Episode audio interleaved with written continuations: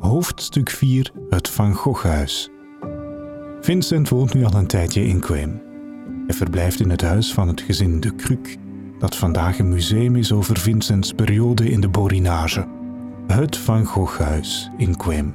Wanneer hij zijn correspondentie met Theo hervat, in brief 153 van 5 augustus 1879 vertelt hij over de vele uren die hij al tekenen doorbrengt in een poging de dagelijkse tafereelen in de borinage vast te leggen die hij niet wil vergeten. Zit dikwijls tot laat in de nacht te tekenen om wat souvenirs vast te houden en gedachten te versterken die het zien van de dingen onwillekeurig opwekken. Vincent maakt er gewoonte van schetsen toe te voegen aan zijn brieven, alsof het vakantiesouvenirs zijn. Theo, die ze met steeds meer enthousiasme ontvangt, wordt zich bewust van het artistieke potentieel van zijn oudste broer en raadt hem uiteindelijk aan zich aan zijn kunst te wijden. Vincent heeft aan een kleine aanmoediging genoeg en is er nu van overtuigd dat hij God kan dienen als kunstenaar.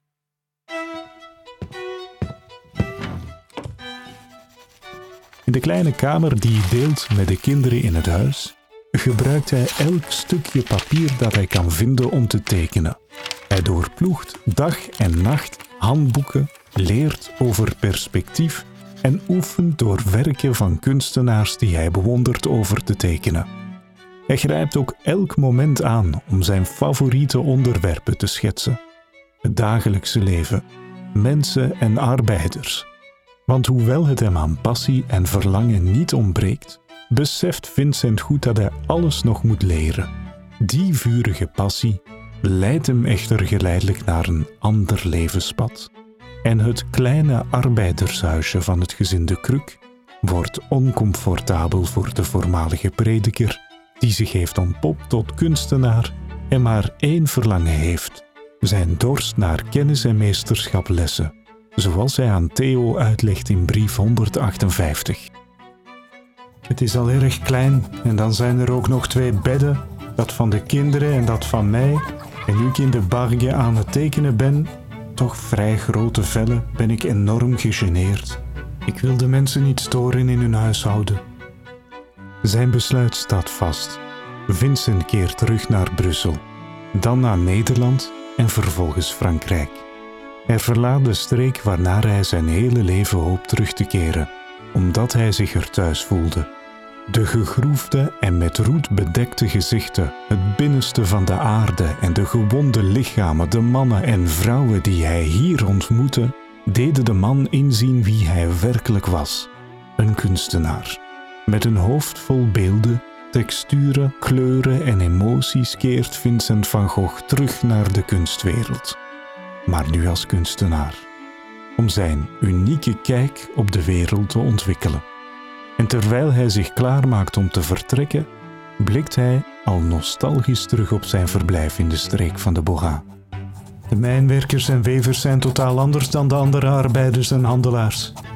Ik heb een grote sympathie voor hen en zou blij zijn als ik ze op een dag zou kunnen tekenen, zodat die mensen die tot nu toe vrijwel nergens zijn afgebeeld, naar waarde kunnen worden geschat.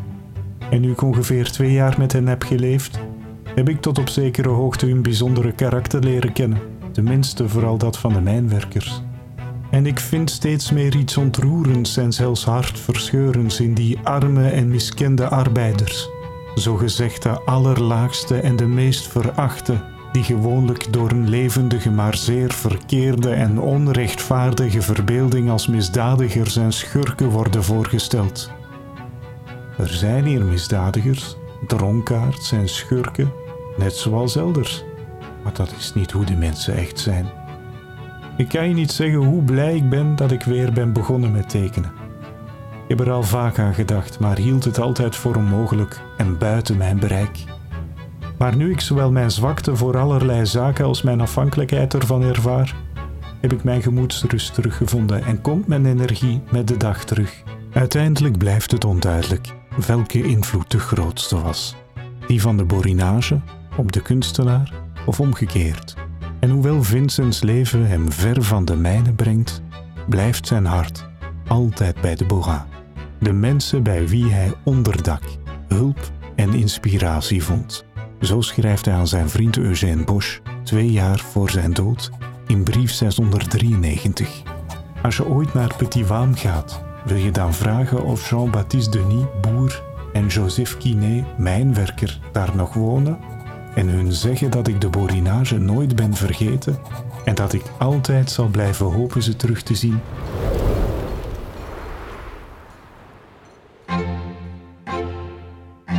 U heeft zojuist het vierde hoofdstuk van de Van Gogh-podcast gehoord, van mens tot kunstenaar. De overige hoofdstukken van deze aflevering zijn te vinden op visitmons.nl.